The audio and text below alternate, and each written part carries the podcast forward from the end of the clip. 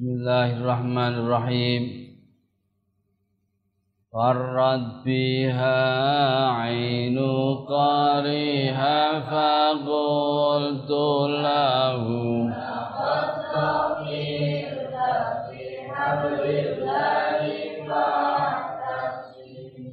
Farrad Bismillahirrahmanirrahim. Farrad berbinar Ya sebab Quran apa ainu qariha? Matane wong sing maca Quran. Orang yang membaca Quran matanya mesti cerah berbinar-binar.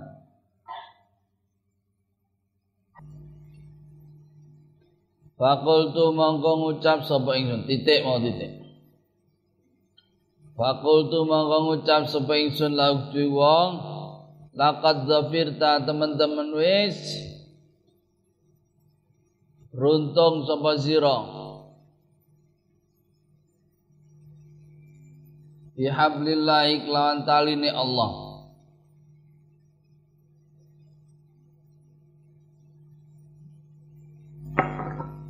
Faktasim mongko berpegang teguhlah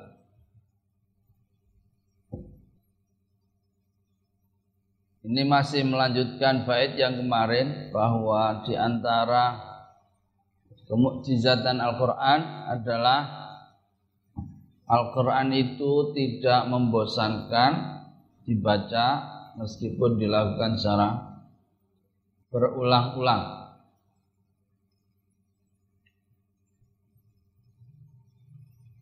Jadi yang membaca itu mesti senang, puas, ya. Dan Fakultu lahu laqad dhafirta bihablillahi fa'tasib. Sungguh Anda telah beruntung karena Anda telah berpegangan dengan tali Allah. Al-Qur'an di sini diibaratkan, diumpamakan dengan tali. Ini seperti meminjam istilah di dalam Quran A'udzubillahi minasyaitonir rajim wa'tasimu bihablillahi jami'an berpegang teguhlah Anda dengan talinya Allah. Talinya Allah itu apa? Ya agama Islam, ya Al-Quran itu talinya Allah. Sebab itulah tanda-tanda yang mengantarkan kita kepada jalannya Allah.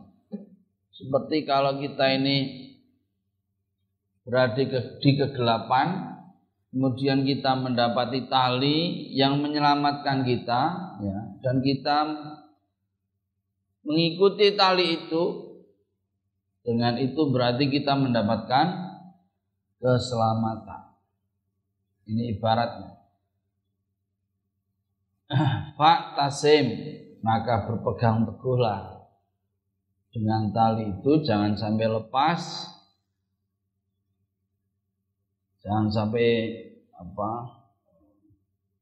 lepas ya. Intatluha khifatan minna min harri nari ladha. Adfa taharra ladha min wirdiha asyabimi. Intatlu lamun membaca siapa engkau. Apabila anda membaca Al-Quran khifatan karena takut.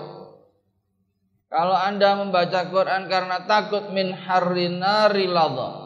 Dari panasnya api ladha. Ladha itu nama neraka jahanam ya neraka Atfa'tana harraladha. Dengan membaca berarti atfa'ta maka Anda telah memadamkan. Harraladha ing panasiladha. Min dari sumbernya Quran asyabimi yang sejuk, yang enak, yang dingin,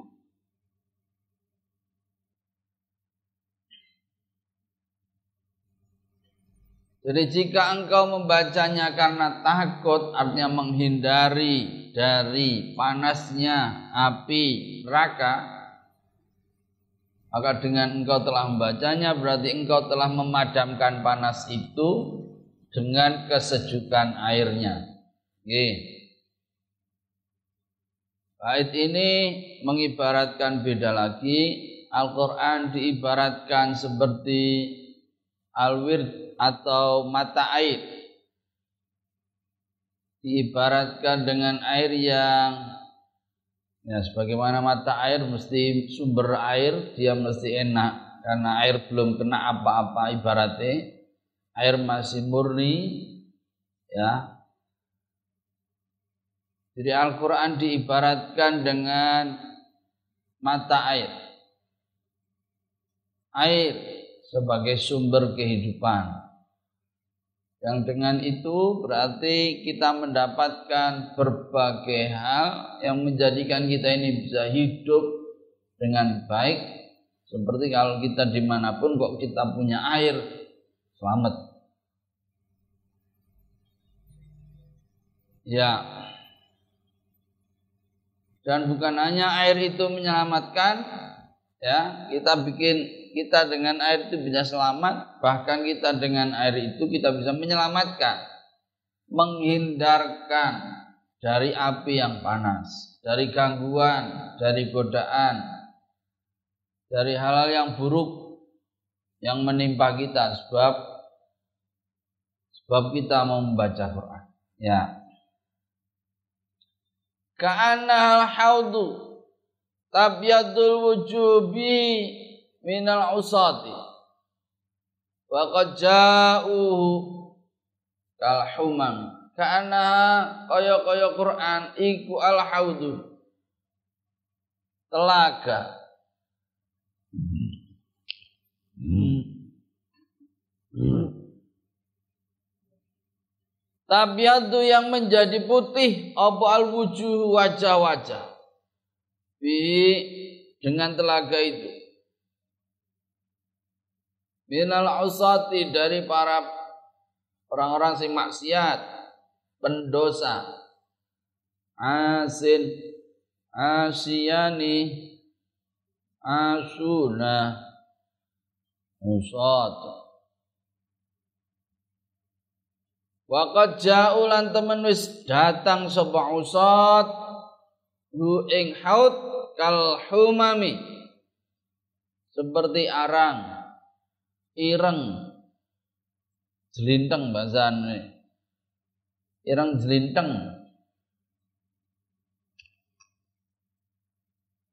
seakan-akan Quran adalah telaga yang dapat memutihkan wajah para pendosa yang mendatanginya dengan wajah hitam pakai arang. Jadi beda lagi. E, kalau tadi diartikan apa diibaratkan Quran itu laksana sumber air, sekarang Quran adalah telaga. Ini saudara-saudara barangkali terinspirasi dari hadis Kanjeng Rasul Muhammad sallallahu alaihi wasallam. Saben nabi itu punya telaga. Dan telagaku di akhirat tadi paling besar. Telagane aku ki antara Mekah sampai Palestina, gedene telaga. Dan banyak bukan hanya umatku yang datang, umat-umat yang lain juga pada datang.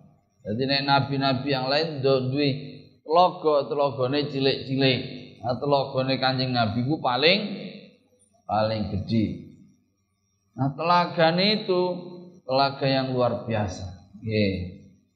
Telagane Kanjeng Nabi. ka'annaha al-haudu tabyadul wujuhu bihi Quran seakan-akan telaga wong sing teko ning telaga kuwi wajahe putih cerah cemerlang ya Waqad ja'u kal humami. Sebelum datang ke situ wajah ireng kaya areng.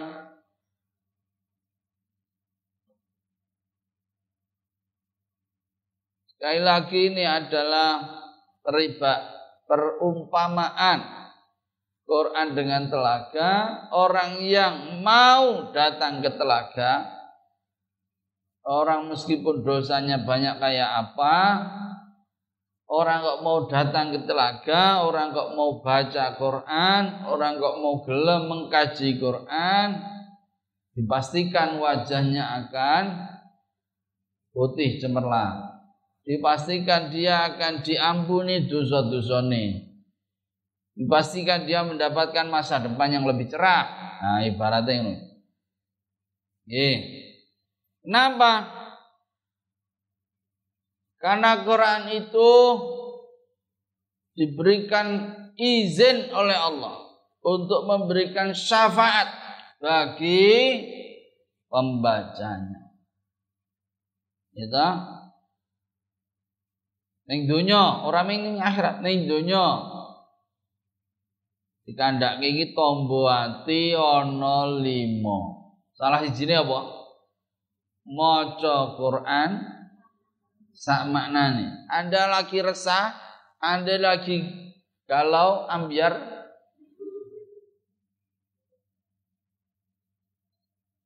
Itu lihatlah Quran.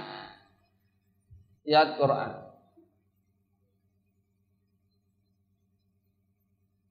Dipastikan Anda akan merasa nyaman, merasa enak. Ini di dunia. Di akhirat apalagi. Ya Karena itu nek sampean ora apal Quran boleh obojo sing apa Quran. Ya, anak Pak Komari. Waduh, ah bujuma malah gelem karo. Ya tah, golek bojo sing ngapal Quran.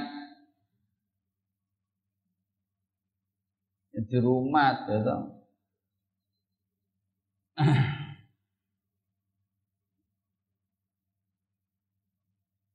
Ini Quran itu bisa mensyafaati orang yang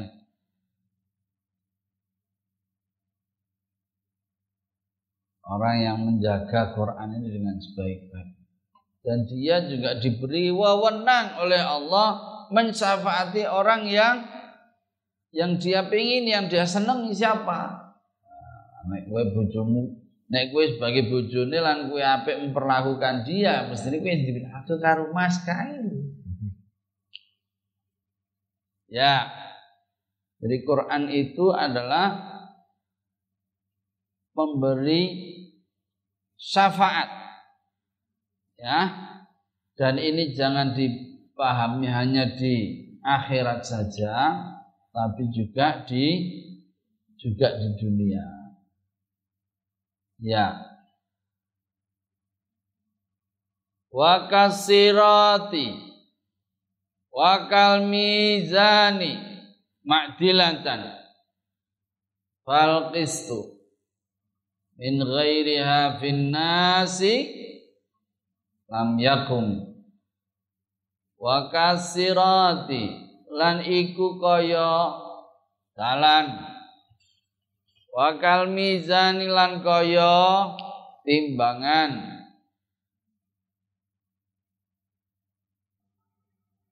Apa mak dilatan adile.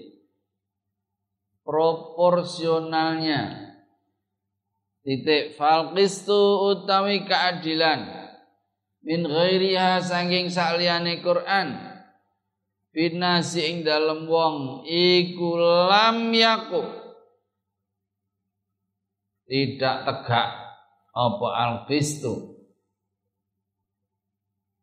Beda lagi dalam ayat ini Quran adalah menjadi sumber inspirasi Quran menjadi pengadil menjadi sumber dari sumber hukum Dan di dalam Islam Quran adalah sumber hukum yang paling utama. Bait ini mengibaratkan Al-Quran itu laksana jalan yang lurus.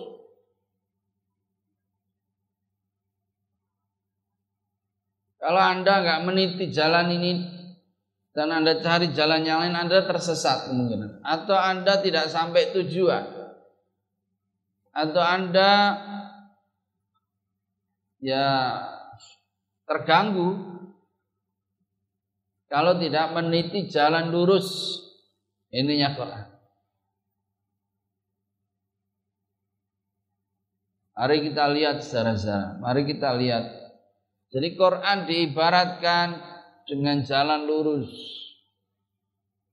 Mau cara kita beribadah, cara kita bekerja, cara kita berkeluarga, cara kita bermasyarakat, cara kita berbangsa dan bernegara, cara kita berinteraksi dengan tetangga kita, dengan istri kita, dengan saudara-saudara kita.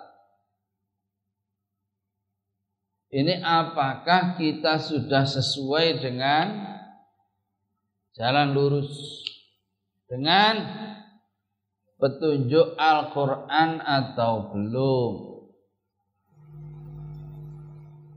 Jadi Quran kasirat itu adalah Quran sebagai pembimbing, sebagai petunjuk. Quran menyatakan dirinya, "Dzalikal kitabu la raiba Kan Anda minta di surat Fatihah, Ya Allah ihdinas siratal mustaqim. Kula nyuwun diparingi kami minta jalan yang lurus, yang tegak, yang sampai ke tujuan, bukan jalan yang menyesatkan. Ente kan minta dijawab oleh surat Al-Baqarah. Zalikal kitab la raiba Kitab inilah yang menjaga Anda ya hudan lil muttaqin menjaga Anda menjadi petunjuk Anda yang tadi Anda minta. Ini kita hidup kita ini sudah terbimbing atau belum dengan Quran. Wakal mizan kalau kita punya persoalan Sudahkah Quran menjadi bahan rujukannya, pertimbangannya, menjadi bahan mizannya, timbangannya. Jadi beda pak, paham bedanya? Asirat menjadi pembimbing, tidak ada persoalan. Kalau mizan Quran kita lihat kalau kita ini ada persoalan sudahkah Quran itu menjadi mizan kita? Masalah waris, masalah gelut sesama saudara, masalah perebutan wilayah, perebutan kekuasaan, perebutan jabatan, ini urusannya ini sudah ukurannya kalau Qurannya gimana? Ini sudah belum? Ini kita lihat sini nafsu ayat. Jadi kalau sirat itu sebagai pembimbing kita sehari-hari nggak ada urusan masalah. Tapi mizan kalau ada masalah sudahkah kita menjadikan Quran sebagai timbangan? Ini sebab apa? Falqistu min ghairiha finnasi lam yakum sebab keadilan yang diupayakan oleh manusia yang tidak sejalan dengan Quran tidak mungkin bisa berdiri tegak. Keadilan yang tidak sesuai dengan Quran, keadilan yang pura-pura keadilan yang tidak sebenarnya. Perhatikan, perhatikan. Angel loh kita ini.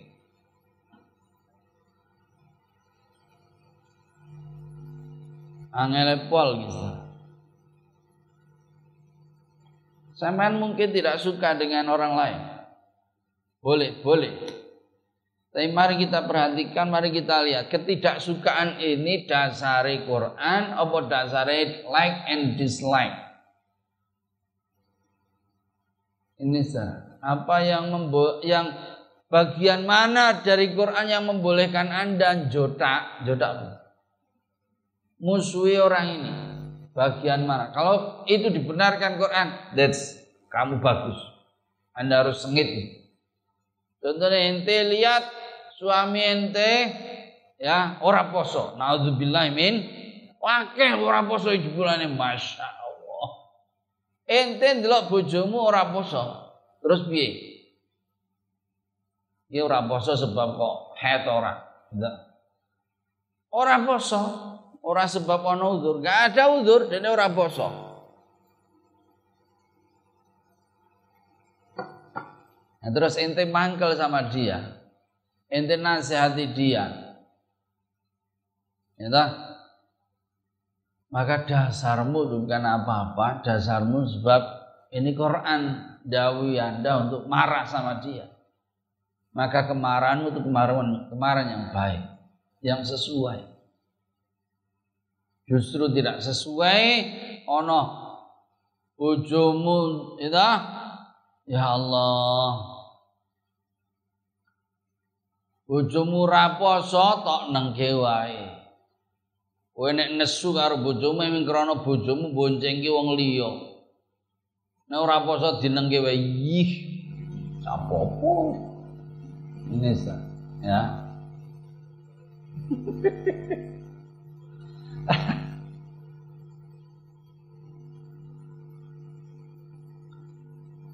Jadi keadilan apa pun coba dalam kehidupan berkeluarga, bermasyarakat, berbangsa, gawe aturan-aturan tidak sejalan dengan Quran itu perut itu tidak keadilan yang sia-sia.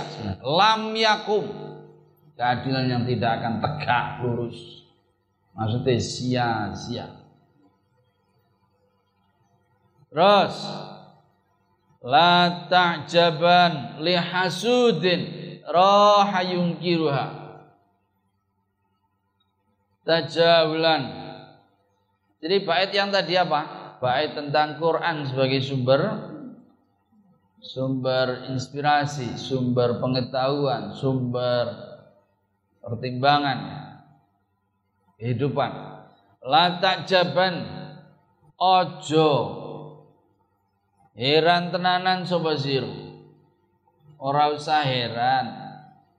Nganggone non taukid tenanan. Li hasudin maring wong sing sering iri. Hasud senengane iri.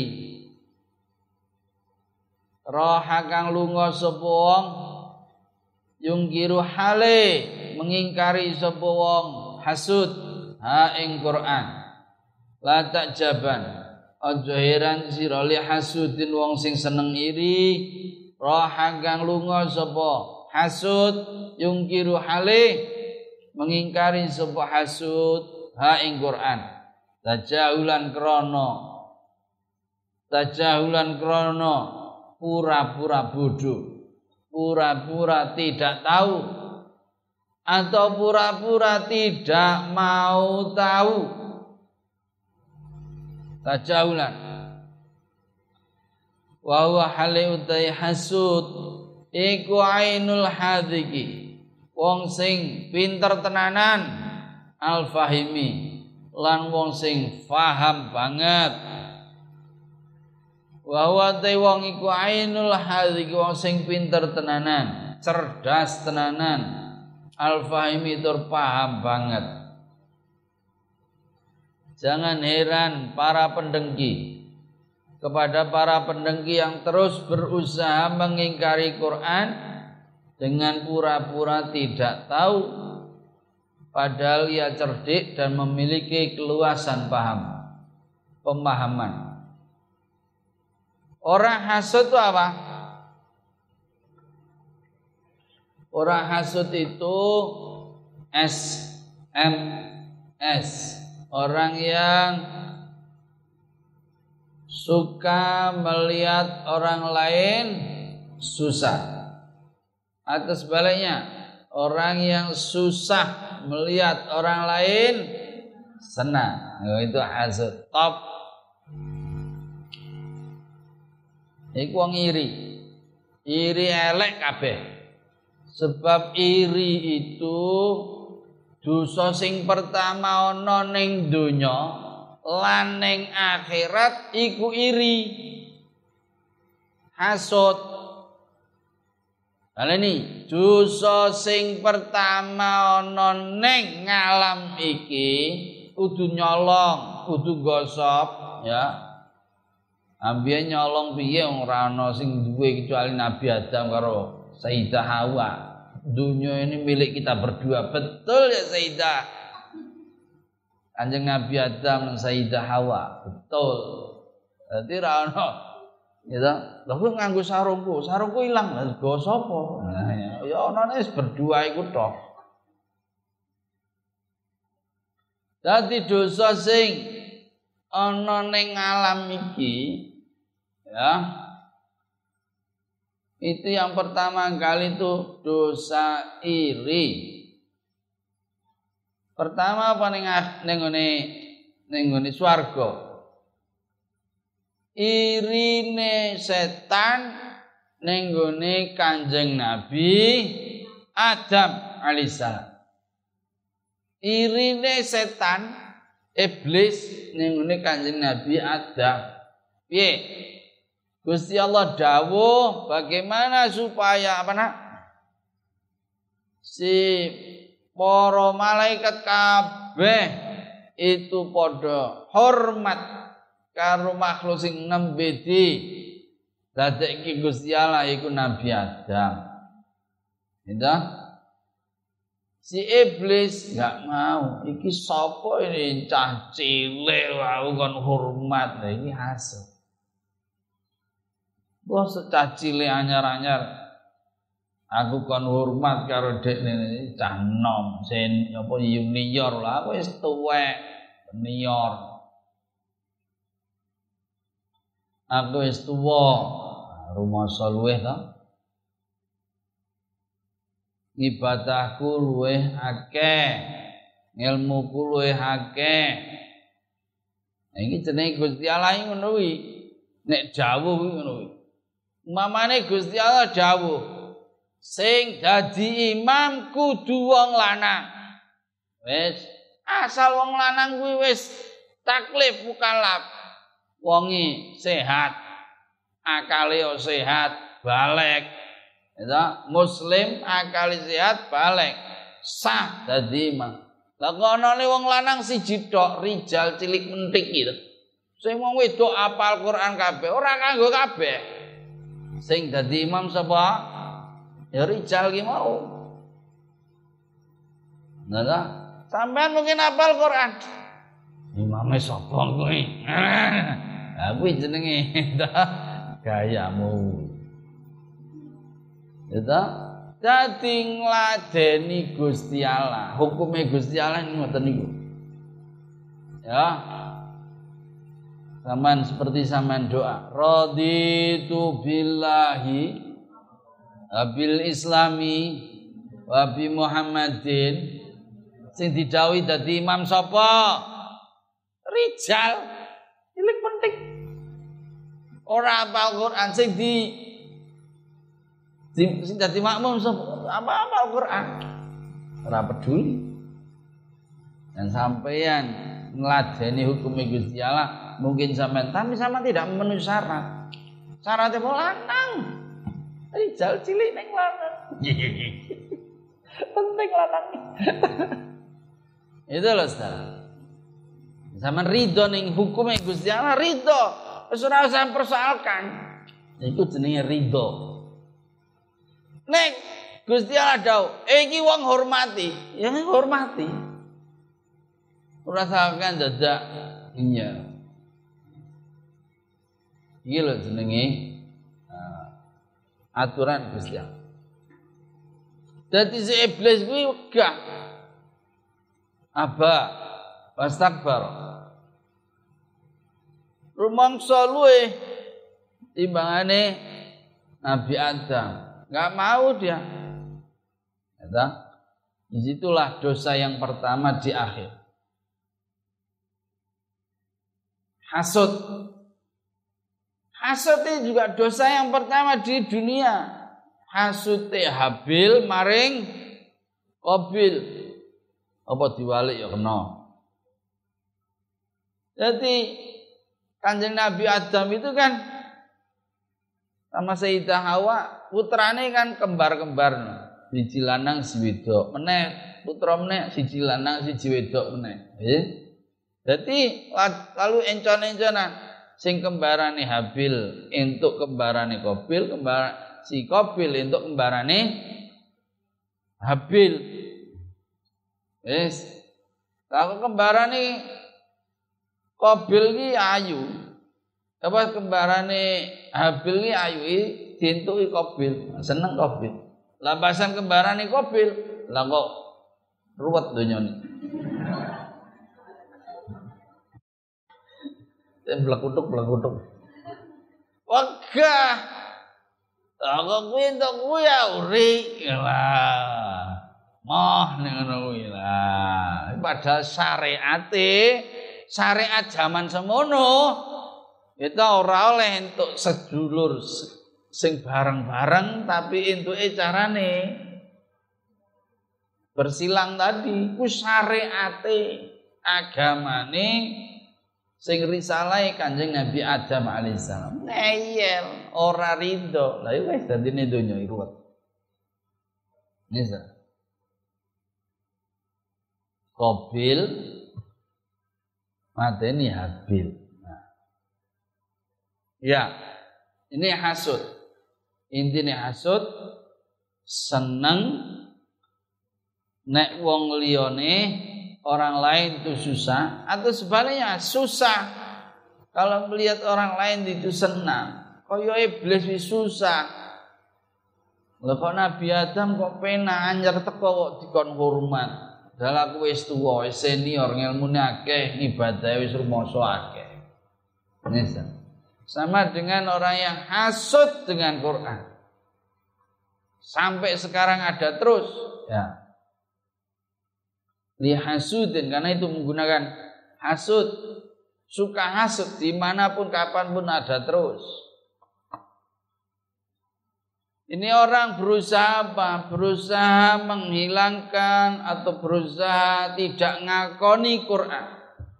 Ya. Caranya ya ngerusui Quran bagaimanapun caranya. Ye. Dia begitu bukan dia itu kok jahil. Jahil itu kurang tahu, enggak. Apa dia tidak tahu? Tapi tajahulan, tajahul apa? Pura-pura tidak tahu.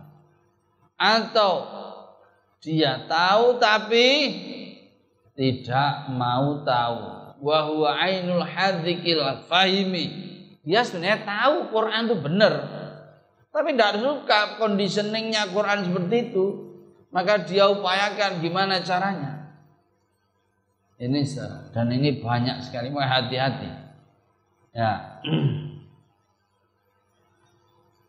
Artinya bait ini ya bait ini memberikan pengertian pemberitahuan kepada kita ada tetap saja ada orang yang tidak suka dengan Quran dan upaya yang dia lakukan adalah ganggu ganggu Quran ya Qatungkirul ainu daw asyamsi min ramadin wa yungkirul famu Tokmal ma'i min sakomin Katungkiru kadang ingkari apa al ainu mata. Mata kadang mengingkari do asyamsi ing sinar matahari min romadin sangka sebab loro. Sebab matane loro, wong ora iso ndelok sinar matahari. Wayung kirulan kadang mengingkari apa alfamu mulut tok malma ing rasane banyu sebab apa? min sakomin sebab sebab loro juga. Memang sebab sakit terkadang mata mengingkari sinar matahari yang terang benderang dan mulut mengingkari air air kesegaran air.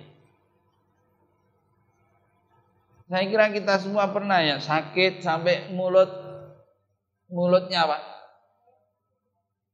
Pahit. Mulut tidak bisa membedakan ini dengan ini. Karena pahit, karena sakit. Ya. Sama hanya dengan orang yang sakit mata, ya sampai tidak tahu gimana apa jenis rabun lah, apa jenis katarak mungkin ya. Dia nggak bisa membedakan sinar yang bagaimana lah. Ini ibarat bagi orang yang hasut tadi. Ya, dia itu mestinya itu ngakoni itu ada rasa ya, ya. Tapi tidak diakui sebab dia ada sakit, ada penyakit yang ada di dalam dirinya. Fi qulubihim maradun fazadahumullahu. Jadi ada penyakit yang ada dalam dirinya sehingga dia tidak bisa melihat yang sebenarnya. Ya. Ini karena hasut, ya, dia tidak melihat kebenaran yang sebenarnya dari Al-Quran. Ya. Demikian secara-secara insya Allah besok kita lanjutkan pasal tentang Isra Mi'raj. Ya, semoga bisa difahami dengan baik dan semoga bermanfaat. Nakhtatim bilhamdulillah.